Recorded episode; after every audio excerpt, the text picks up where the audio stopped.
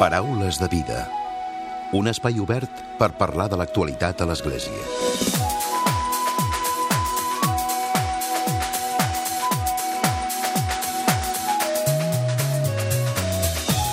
Què tal? Salutacions i molt bon dia, molt bon diumenge. Avui és diumenge de Rams. Avui arrenca, per tant, la Setmana Santa del 2019.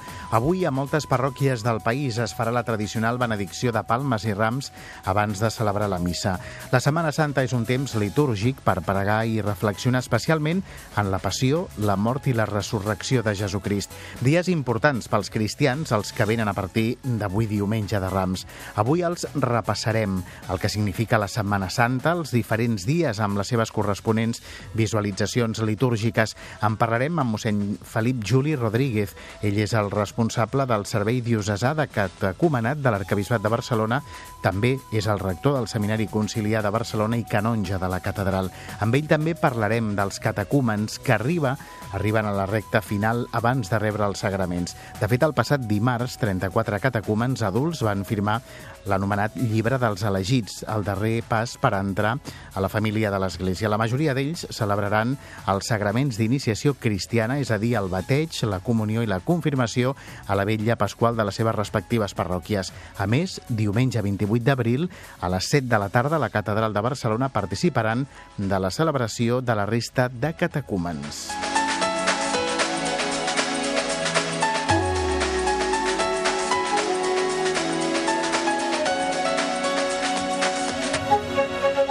Com sempre, a la recta final del Paraules acabarem amb el comentari de l'actualitat de Francesc Romeu. Comencem. I saludem, donem la benvinguda a mossèn Felip Juli Rodríguez. Bon dia. Molt bon diumenge, bon dia. Avui és diumenge de Rams i, tal i com dèiem a la portada, avui comença la Setmana Santa, oi? I tant, comença amb aquesta aclamació del poble cristià a Jesús que entra a Jerusalem per diguem-ne, a la recta final de la seva vida i així es manifestar aquest amor que Déu ens té a tota la humanitat, acollint-lo amb, amb molta alegria, sobretot el, la festa dels infants, en els que eh, es viu aquest color, aquesta joia de, de rebre Jesús d'una manera o una altra, no? Uh -huh. Parlem precisament d'això. D'aquí a una estona, a les parròquies es viurà el diumenge de Rams, es, veurà, es viurà, per tant, la benedicció de, de les palmes, dels rams, és uh, la visualització litúrgica no?, d'aquest temps? Sí, el, la benedicció dels rams i la, i la processó formen part de la litúrgia de l'Eucaristia de la Passió del Senyor, que es diu diumenge de Rams o, o diumenge de la Passió del Senyor, i, la primera part, podríem dir-ne, de, de la celebració litúrgica és la eh, lectura de l'Evangeli en el qual eh, relata que Jesús entra a Jerusalem i la benedició dels rams i després la processó cap a l'església on es celebrarà l'Eucaristia. Sí, això la majoria de les parròquies doncs en les seves places o les places del poble doncs fan aquesta benedició que és molt entranyable, uh -huh. molt entranyable perquè hi participen moltes persones també que tot i no, diguem-ne, anant, anant cada diumenge a missa, doncs aquest moment el tenen com molt especial i també Jesús és per tots i en tots els graus de pertinença a l'Església, sí. Uh -huh.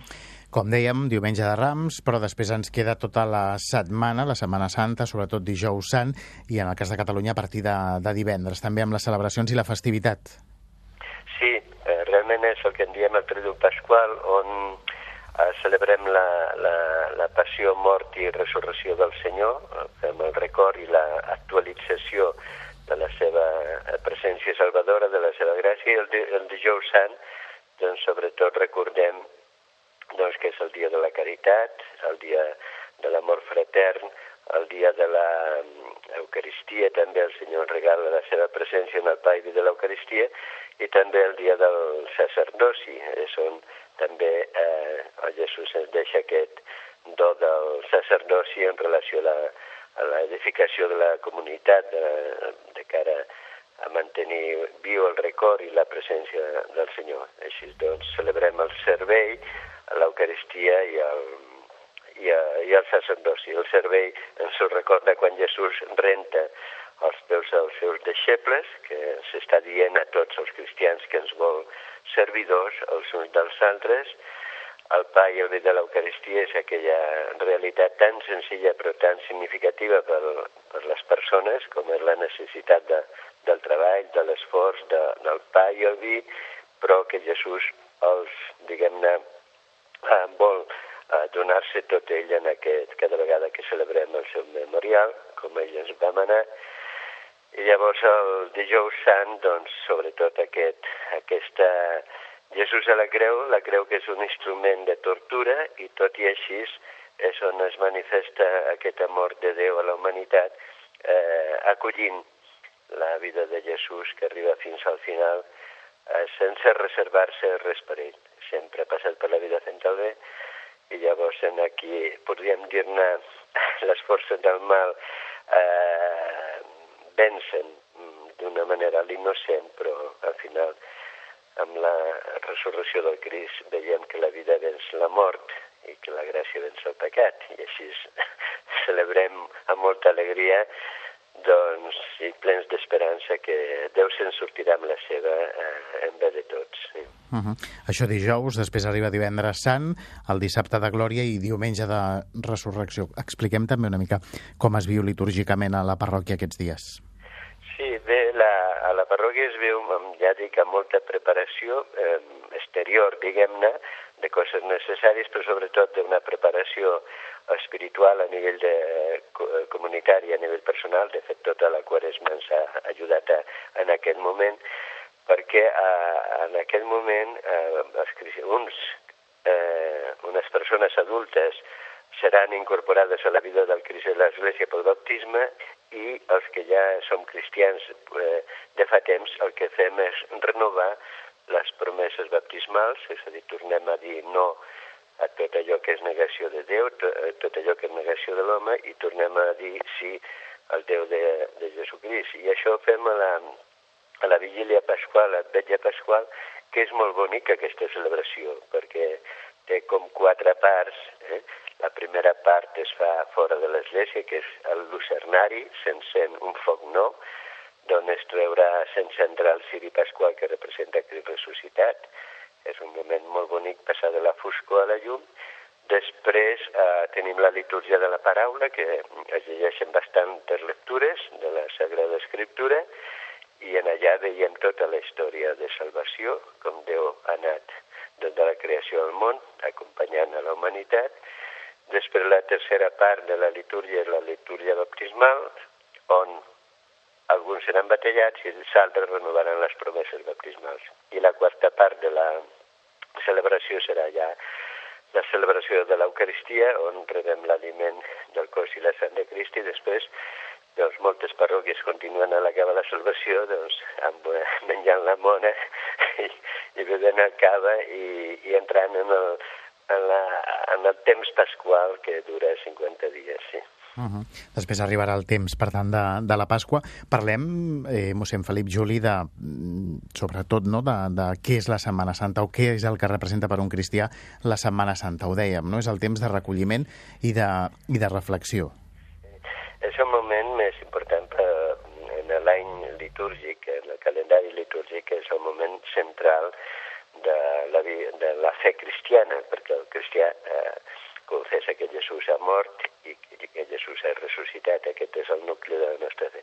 Llavors, la Setmana Santa anem eh, contemplant tots els misteris de la vida de Jesús, eh, sobretot eh, tota aquesta realitat de la diguem-ne, de la, de la passió, mort i resurrecció de Jesús i es celebra, eh, diguem-ne, de moltes maneres per una part eh, pot haver-hi processons, pot eh, haver-hi escenificacions de la passió del Crist, però on el celebrem viu i actiu és en les celebracions litúrgiques. Per això el diumenge de Rams ens sobra d'alguna manera l'entrada al dijous sant, el divendres sant, a la vetlla pasqual, al temps de Pasqua. Llavors, en la Setmana Santa, per nosaltres tots els dies són sants i bons, oi?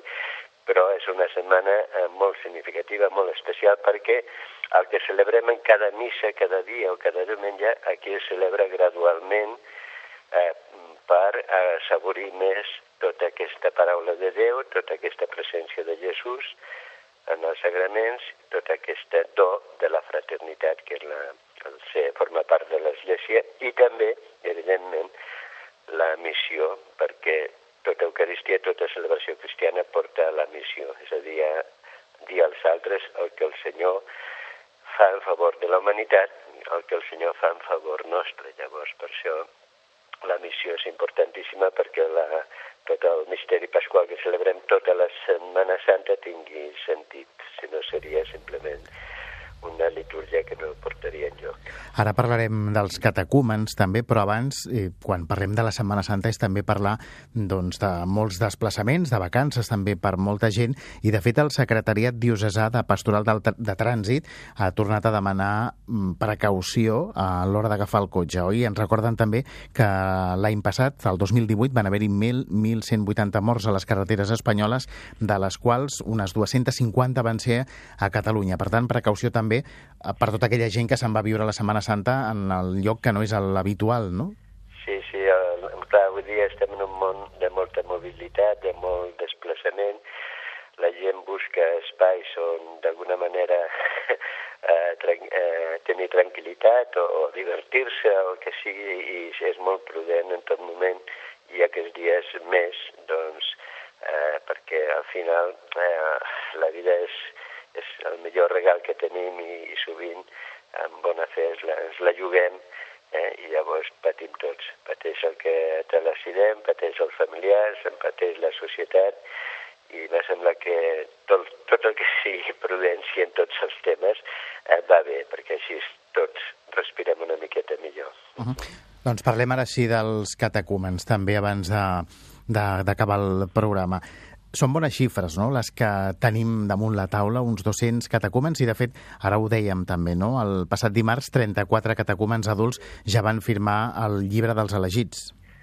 Sí, mira, és un tema molt interessant, perquè, bueno, sempre s'ha batallat gent adulta a l'Església, no només els nadons, els infants, sempre hi ha hagut batejos, però eh, pràcticament des del Concili Vaticà II es demana que se reinstauri d'alguna manera el, el catecumenat, que és el camí ordinari per fer cristians, perquè el cristià no, no neix, es fa, no?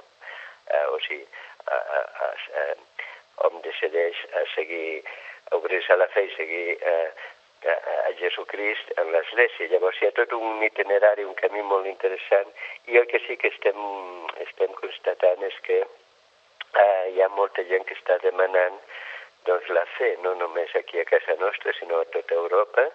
Eh, de fet, a, a França, em sembla que cada any es batallen com uns 5.000 eh, adults i, i, bueno, i, i, i a tot, el, tot el món està, està d'alguna manera, hi ha molt de moviment en aquest sentit de, de recerca de sentit de la vida, d'espiritualitat i tal. I a casa nostra, doncs, també aquí a, a Barcelona portem ara amb el catecumenat 17 anys i cada any eh, estan entre el bateig d'adults, catecumenat un centenar més o menys, a Catalunya uns 300, sí. I, i llavors, bueno, és molt interessant perquè la, quan a vegades preguntem els motius de per què on vol ser cristià en un món en el que me sembla que Déu ja no, no tingui res a fer, resulta que, bueno, de moltes maneres eh, venen, eh, ha aquesta, aquesta necessitat de sentit de la vida, eh, el tema de la mort està present, el tema de la malaltia, el tema de, de, de la creació de la natura, el tema de les relacions humanes, i llavors a partir d'aquí el que fa l'Església és acompanyar-los uh -huh. I, I el perfil d'aquests catacúmens, quin és? Mira, estem, eh, en principi estem entre uns 20, 20 a 40, 50 anys, mm, bueno, tenim de tot, tenim, eh, eh, tenim, bueno, tenim eh, persones que professionals, de, per exemple, hi ha advocats, hi ha periodistes, hi ha eh, pares de, de treballadors, diguem-ne, eh, en diversos camps que, que tenim avui dia, tenim paletes, Eh, hi ha mares de família, hi ha eh, mestres, hi ha de tot. No, no podríem dir més aquest perfil de, en concret d'un sector de la societat. Hi ha, hi ha de tot, sí, sí, curiosament. I, I hem de recordar que a finals de mes, el diumenge 28 d'abril, a les 7 de la tarda i a la Catedral de Barcelona, participaran d'aquesta celebració conjunta de, dels catecúmens. Sí, en principi cada, la vetlla pasqual cada, cada catecumen és batallat a la seva parròquia. Però, pel motius que sigui, doncs, eh, hi ha hi ha catecúmens que han hagut de fer el procés o la seva parròquia o en altres àmbits i llavors eh, la, aquest any a la catedral s'ofereix al baptisme per als que han fet el procés catecumenal i seran, a la catedral seran uns 25, 24 més o menys, que seran batallats el dia 28, que és primer diumenge de Pasqua. Sí. Uh -huh. Ara parlem dels catecúmens i d'aquestes bones xifres que ens comenta mossèn Felip Juli Rodríguez. Eh, ell també és, el, en aquest cas, és el rector del Seminari Conciliar de Barcelona. Com, com són les xifres de, de seminaristes que tenim actualment? Bé, en aquest moment, eh, entre la diòcesi de Barcelona i de Sant Feliu, eh, tenim uns 45 seminaristes, sí. Uh -huh. És una xifra òptima, mossèn Felip? que sempre eh, es demana més i més perquè la realitat pastoral és aquí és immensa, tenim clar, hi ha sacerdots que moren, d'altres que es jubilen, i la, la, les comunitats cristianes demanen presència del sacerdoci, el sacerdot i realment mm, eh, reconeixem que ens estaríem més, més nois que volguessin ser sacerdots, però això és, això és una crida de Déu, i una resposta lliure de la persona, llavors aquí en, no, és qüestió de, no és qüestió de màrqueting, sinó de, de bueno, estar amb els braços oberts. I, és una crida que arriba quan arriba, no? Arriba quan arriba i misteriosa, i misteriosament, perquè realment que al món d'avui dia doncs, hi hagi nois que diguin, va, vinga, per tota la vida m'entrego al servei de la humanitat, de l'Església, etc. Realment és un, és d'admirar, però també és veritat que fan altres gens. Eh, vull dir, els, els pares i mares de família també s'entreguen de per vida als fills i jo què sé, i la vida reconsagrada. Hi ha molta generositat, però no, no fa soroll, diguem. I també hi ha molta generositat, en aquest cas, dels laics que hi participen també de la vida parroquial, oi, eclesial? tant, bueno, clar, és que si no, no tindria sentit l'Església. L'Església és Església viva quan eh, hi ha tots els carismes, quan estem, quan tots eh, eh, som en el nostre lloc i ens necessitem mútuament, no? Clar. Pel baptisme tots som germans i és a partir d'aquí que anem construint. Uh -huh. Aquesta església que no, no és un fi en ella mateixa, sinó que és servidora del món, no? Uh -huh. Doncs sí, ja per acabar en mig eh, minut, mossèn Felip Juli, quin és el missatge que llença als oients del Paraules de Vida per aquesta Setmana Santa? possible tornar al Déu de Jesucrist. En el Déu de Jesucrist trobem, trobem la pau interior, trobem la capacitat per al perdó i el món és diferent. Jo penso que he tornat a posar Déu en el centre de la vida és el millor que els pot passar a tots i jo veig que, que, que omple, que dona vida, que, que fa mirar la vida, el món, els altres amb uns altres ulls. Tornar Déu al cor de l'home. Doncs gràcies avui, mossèn Felip Juli Rodríguez, per acompanyar-nos i per parlar-nos de la Setmana Santa. Bona Pasqua, moltes gràcies. Eh? Paraules de vida. Un espai obert per parlar de l'actualitat a l'Església. I en aquest diumenge de Rams també ens acompanya, en aquest cas, Francesc Romeu, el seu comentari de l'actualitat. Francesc, bon dia i benvingut. portes ja de la Setmana Santa, avui ens fem ressò d'algunes presentacions de llibres que s'han fet aquesta setmana, preparant potser ja la diada de Sant Jordi, que serà el proper dimarts 23 d'abril. En primer lloc, ens fem ressò del llibre d'entrevistes amb els alcaldables a l'Ajuntament de Barcelona, que es va presentar aquest dimecres passat 10 d'abril al vespre al Palau Mercader del barri gòtic de Barcelona, amb la presència de representants de les candidatures i de diverses institucions religioses. Les religions demanen respecte i reconeixement als polítics. Demanem poca cosa, el respecte al fet religiós. Aquesta ha estat la demanda principal que han plantejat els polítics els representants religiosos que han presentat el llibre titulat Déu a Barcelona, sis alcaldables i el fet religiós. Màxim Muñoz, claretià i president de la Fundació Claret, i Mohamed El Gaidouni, president de la Unió de les Comunitats Islàmiques de Catalunya, van participar en la presentació del llibre amb un diàleg moderat per la reportera de TV3 Mireia Prats. Muñoz va demanar als polítics un esforç per superar prejudicis sobre el fet religiós i també que s'entengui que l'acció social que despleguen les confessions religioses no són una suplència per arribar allà on no arriba l'administració, sinó que sorgeix de l'experiència cristiana. Per això creu que cal respectar els valors que porten les tradicions religioses i que fan bé a la societat. Mohamed El Gaidouni es va manifestar en la mateixa línia, assegurant que només que s'apliqués el que està escrit ja estaríem satisfets. En canvi, ens fa la sensació que els polítics tenen problemes per obrir una nova etapa, per una càrrega històrica que els limita molt. El Gaidouni va remarcar que el terme aconfessional vol dir una laïcitat condicionada per la cooperació amb les confessions religioses i massa vegades això no es produeix. Entre altres temes que es van posar sobre la taula es va parlar de la manca de formació religiosa i de la manca d'oferta de classe de religió islàmica als centres públics. També es van referir a la presència de representants institucionals en els actes religiosos. Muñoz ha dit que quan hi ha aquesta representació és una llàstima, no pel fet religiós, sinó pel respecte al col·lectiu que viu aquesta realitat. També el Gaidouni va considerar que és positiu que es visualitzi al carrer una pràctica religiosa com la Setmana Santa perquè ajuda a normalitzar el fet religiós. Els autors d'aquest llibre d'entrevistes, París Grau i Jordi Ruger, van explicar que la finalitat del llibre és posar damunt de la taula municipal el fet religiós tot i que és un tema del qual se'n parla poc en els programes electorals. Totes les enquestes indiquen, però, que l'interès de la ciutadania pel fet religiós i que, a més de la meitat de la població, els dona sentit la transcendència. En aquesta línia, es van mostrar molt satisfets que les entrevistes hagin servit perquè els polítics parlin bé del fet religiós.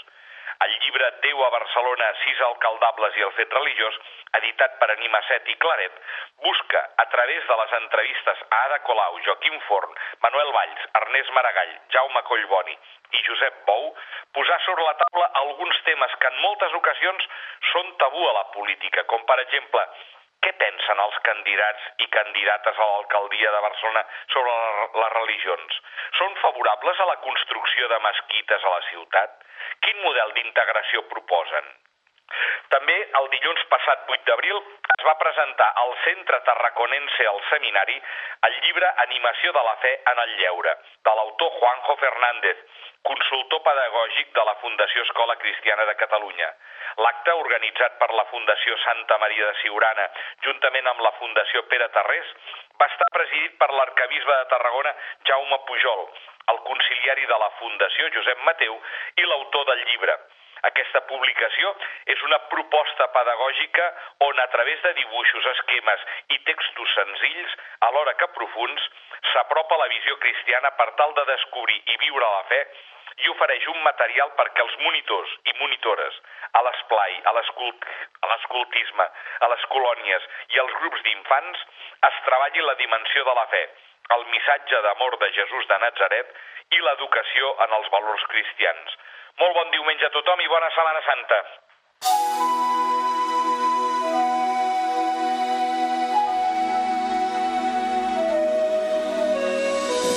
Fins aquí el Paraules de Vida d'aquesta setmana d'aquest diumenge. La Rosa Silloé ha estat el control tècnic i qui us ha parlat, l'Emili Pacheco. Que passeu bon diumenge i una molt bona setmana.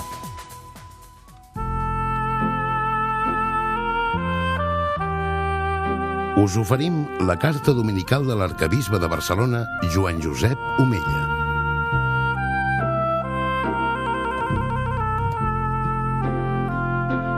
Déu vos guard. Expliquen que fa molt de temps tots els colors van començar a barallar-se. Cada un proclamava que ell era el més important, el més útil, el més favorit. Albert va dir, sens dubte, jo sóc el més important, sóc el signe de la vida i de l'esperança. Mireu al voltant i veureu que estic a la majoria de les coses. El blau va interrompre. Tu només penses en la terra, però també hauries de considerar el cel i la mar. L'aigua és la base de la vida i són els núvols els que l'absorbeixen de la mar blava. El cel dona espai, pau i serenitat. El groc va deixar anar una rialleta. Vosaltres sou tan seriosos, jo us genero rialles, alegria i escalfor al món. Sense mi no hauria alegria. El taronja va prendre la paraula. Jo transporto les vitamines més importants. Penseu, per exemple, en les taronges, pastanagues o carabasses. A més, tenyeixo el cel a l'alba o al capvespre. La meva bellesa és tan impressionant que ningú pensa en vosaltres. El vermell no podia contenir-se i va saltar. Jo sóc el color del perill i del valor. Estic disposat a lluitar per una causa. Sense mi, la terra estaria tan buida com la lluna. Soc el color de la passió i de l'amor, de la rosa vermella, de la rosella. El propre va irrompre amb tota la seva força. Era molt alt i va parlar amb gran pompa. Soc el color de la reialesa i del poder. Reis i caps d'estat m'han escollit sempre perquè sóc el signe de l'autoritat i de la saviesa. La gent no em qüestiona, m'escolten i m'obeeixen. I així va ser com els colors van estar presumint, cada un convençut que ell era el millor. La seva discussió es va fer més i més sorollosa. Tot d'una van aparèixer una resplendor de llum blanca i brillant que empegava estrepitosament. Va començar a ploure a bots i barrals. Els colors van començar a reullir-se de por i llavors van ajuntar-se tots per protegir-se. La pluja va parlar. Esteu bojos, colors, lluitant entre vosaltres, intentant cada un dominar la resta. Déu us ha creat a cada un per a fer un objectiu especial, únic i diferent. Ell us estima a tots. Ajunteu les vostres mans i veniu en mi. Déu vol expandir-vos a través del món en un gran arc de color, per recordar-vos que us estima a tots, que podeu viure junts en pau, com a promesa que és en vosaltres, com a senyal d'esperança en el futur. I així va ser com Déu va fer servir la pluja per rentar el món i va posar al cel l'arc de Sant Martí, símbol celestial de l'amor de Déu per la humanitat, perquè quan el veiéssim ens recordéssim que hem de tenir-nos en compte els uns als altres. Benvolguts germans, aquest relat ens recorda que tots som fills de Déu i, per tant, tots som germans. La fraternitat és l'objectiu del plan pastoral diocesà que estem treballant durant aquest curs a l'arxidiòcesi de Barcelona. Des del respecte i l'amor al proisme, cada persona aporta el seu color, la seva singularitat a la realitat comunitària i diocesana. Demano al Senyor que siguem capaços de mostrar-nos tal com som i d'admirar el gran regal de la comunió en la diversitat de colors i matisos que configuren la nostra realitat. Us hem ofert la carta dominical de l'arcabisbe de Barcelona, Joan Josep Omella.